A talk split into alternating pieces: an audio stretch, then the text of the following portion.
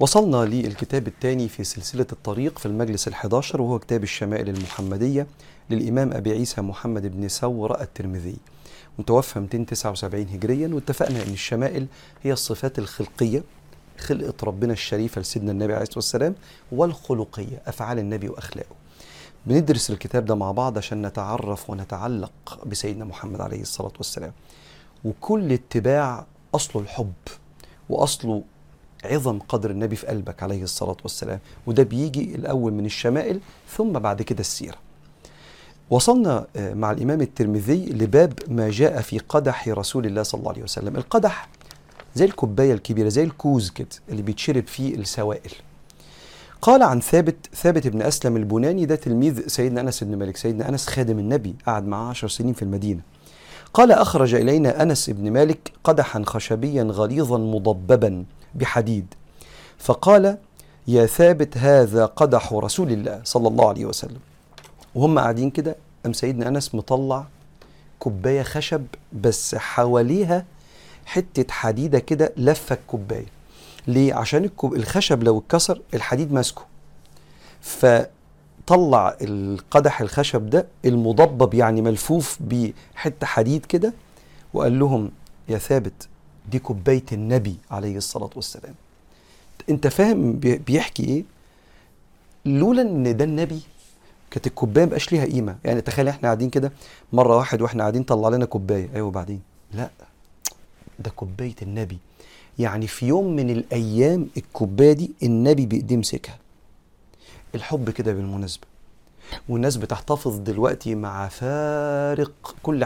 أي النبي عليه الصلاة والسلام في حتة والكون في حتة. نحتفظ بكتب عليها امضاءات حبايبنا تيشيرتات اللعيبة عليها امضاءات حاجات غالية عشان بحبه. فما بالك بكوباية النبي في وسطنا كده؟ بصوا يا جماعة أدي النبي كان بيشرب لنا صلى الله عليه وسلم. وقال أيضا عن ثابت عن أنس لقد سيدنا أنس بيقول لهم بقى لقد سقيت أو سقيت رسول الله صلى الله عليه وسلم بهذا القدح الشراب كله الماء والنبيذ والعسل واللبن. سيدنا النبي عليه الصلاة والسلام كان عنده كوباية بيشرب فيها كل حاجة.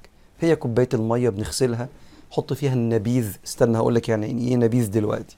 هي اللي بنغسلها نحط فيها العسل. كوباية عنده كوباية عليه الصلاة والسلام. مبدئيا كده إحنا اتعلمنا إن إحنا بنقرأ العلم على العلماء مش بنقرأ من الكتب. كان يقولوا لا تأخذ العلم من صحفي ولا القرآن من مصحفي. يعني إيه؟ يعني أنا ما ينفعش أقرأ الكتاب كده وأطلع أعلم الناس. أنا لازم أكون قرأت الكتاب ده على الشيخ. ليه؟ عشان وأنا بقرأ النبي كان بيشرب نبيذ فأنا مش متعلم بقى بقرأ لوحدي. فلما أقرأ لوحدي أفهم بعقلي مش بقرأ على الشيخ. فالنبيذ هو إيه النبيذ ده يا أولاد؟ ده النبيت خمرة يعني؟ حاشاه صلى الله عليه وسلم. إيه النبيذ ده؟ فيجي الشيخ يشرح لنا. النبيذ ده واحد اتنين تلاتة. ينبذ يعني يرمي. زمان العرب زي دلوقتي إحنا كنا بنعمل بنعمل الخشاف. بيجيب المية يحط فيها الزبيب يحط فيها البلح يسيبها شوية صغيرين. فلما يسيبها شوية صغيرين المية تتسكر ويشرب المية المسكرة بتاعت البلح دي اللي نبذ نبذ يعني ألقى. فلما نبذ البلح سمي نبيذا. فهو النبيذ ده من النبذ ده مش النبيت بتاعنا دلوقتي اللي هو الخمر. فانا لو بقرأ لوحدي أو انت بتقرأ لوحدك ممكن تقع في غلطات كتيرة جدا. عشان كده إحنا بندرس العلم مع العلماء مش بندرس العلم من الكتب. فدي مهمة جدا. فكان بيشرب الماء والنبيذ والعسل واللبن في الكوباية الحلوة دي. قال باب ما جاء في صفة فاكهة رسول الله صلى الله عليه وسلم. قال عن عبد الله بن جعفر قال كان النبي صلى الله عليه وسلم يأكل القثاء بالرطب. قثاء حاجة زي الخيار الكبير كده زي القتة. طب بتحب تحط طبق طبق حضرتك يا سيدنا رسول الله الميكس اللي فيه إيه؟ بتغمس إيه بإيه؟ كان بياكل الخيار أو القتة دي ومعاه شوية بلح. أكلة النبي كده عليه الصلاة والسلام. ده اللي كان موجود. والموجود رضا ما دام ده اختيار ربنا سبحانه وتعالى. وبالمناسبة لو مرة جمعت البلح مع الخيار ولا مع القتة افتكر إنك أنت بتطبق سنة النبي عليه الصلاة والسلام. وعن عائشة رضي الله عنها أن النبي صلى الله عليه وسلم كان يأكل البطيخ بالرطب. برضو كان ساعات يبقى في بطيخ وفي جنبه كده إيه رطب بلح كده طري وجميل فكان يأكلهم مع بعض صلى الله عليه وآله وسلم. وقال عن أبي هريرة رضي الله عنه كان الناس إذا رأوا أول الثمر جاءوا به إلى رسول الله صلى الله عليه وسلم. فإذا أخذه رسول الله صلى الله عليه وسلم قال اللهم بارك لنا في ثمارنا وبارك لنا في مدينتنا وبارك لنا في صاعنا وفي مدنا. الصاع والمد ده مكيال. يعني يا رب بارك لنا في الكيلو وبارك في النص كيلو وبارك في, في يعني كان زي مثلا في قفه كده كانوا بيوزنوا بيها. بارك في الصغير والكبير لأن الصاع ده مكيال أكبر من المد. ألفاظ ما بقيناش نستخدمها دلوقتي بقينا نستخدم لفظ الكيلو والجرام أكتر. بارك لنا في صاعنا وفي مدنا. اللهم إن إبراهيم عبدك وخليلك ونبيك وإني عبدك ونبيك وإنه دعاك لمكة وإني لأدعوك إلى للمدينة بمثل ما دعاك به لمكة ومثله ضعف ومثله معه. قال ثم يدعو أصغر وليد يراه فيعطيه ذلك الثمر.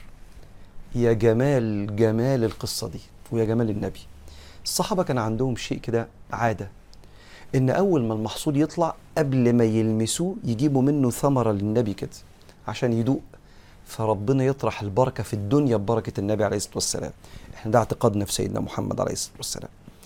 فلما كانوا يجيبوه فكان يمسك النبي الثمرة كده ويدعي يا رب بارك لينا في الثمار وبارك لنا في المدينة كلها. النبي كان من مكة يا جماعة واتولد في مكة. بس أهل المدينة اووا النبي عليه الصلاة والسلام ونصروا النبي فتسموا الأنصار. فالنبي بقى يدعي لهم وفاء بعهدهم وحقهم. ف وبارك لنا في مدنا وفي صاعنا وفي مدنا. اللهم إن إبراهيم ما هو سيدنا إبراهيم. قال رب اجعل مكه على مكة مكان الحرم اللي كان عايش فيه سيدنا إبراهيم. رب اجعل هذا بلدا آمنا. رب اجعل هذا البلد آمنا. وارزق أهله من الثمرات. فدعا. فاجعل أفئدة من الناس تهوي إليهم. وارزقهم من الثمرات لعلهم يشكرون. فبيقول له يا رب ما هو إبراهيم عبدك وخليلك ونبيك وأنا كمان. وزي ما دعا لمكه أنا بدعي للمدينة ومثله ضعف ومثله معه. وبعدين ينده أصغر طفل قاعد في وسط الصحابة تعالى يا ابني دوق يا ابني. دوق ايا كان بقى البلحة دي دوق اي ال- الثمرة يعني. طبعا يعني جمال ورحمة وبركة ودعاء وحنية على العيال الصغيرة. النبي كل حاجة عليه الصلاة والسلام. وقال الله وعن الربيع بنت معوذ ابن عفراء قالت أتيت النبي صلى الله عليه وسلم بقناع من رطب وآجر زغب فأعطاني ملء كفه حليا أو قالت ذهبا. ستنا الربيع بنت معوذ ابن عفراء جابت لسيدنا النبي صلى الله عليه وسلم طبق كده فيه شوية رطب وشوية قته شوية خيار شوية خضار كده من اللي بيتاكلوا في السلطة. قام سيدنا النبي طب نعمل إيه يا ولاد؟ قام غارف شوية ذهب من اللي كان عنده قال لها اتفضلي. لا استنى لحظة واحدة. مش ملء كفه ملء كفيه. إحنا عندنا البيوت ببعت لك طماطم تبعت لي خيار أبعت لك قطايف تبعت لي أنت جلاش. ده إيه ده؟ النبي جات له خيار رجعه ذهب. ما كل واحد بيعطي على قدره بقى صلى الله عليه وسلم. والذهب مش قدر النبي ما فيش حاجة في الكون قدر النبي عليه الصلاة والسلام. بس شايف الكرم. فهو جا- جابت له البلح قال لها طب يا بنتي اتفضلي يا بنتي. انت اديتيني من الموجود عندك وأنا اديتك من الموجود عندي. وأنا ما بستغلاش حاجة في الدنيا عليكم. ده أنا بدعي لكم بالجنة. ابص على الذهب أقول لا ما تستاهليش ده انت تستاهلي ذهب الدنيا والآخرة. انت متخيل ثقتها في نفسها؟ لما هي تاخد ملء كف النبي حلي صلى الله عليه وسلم فبيعلمنا عليه الصلاة والسلام. أنا عايز أقف هنا. هقف هنا كده لأن إيه؟ المره الجايه نكمل إن شاء الله في باب ما جاء في شراب النبي صلى الله عليه وسلم في كتاب الشمائل المحمدية للإمام الترمذي.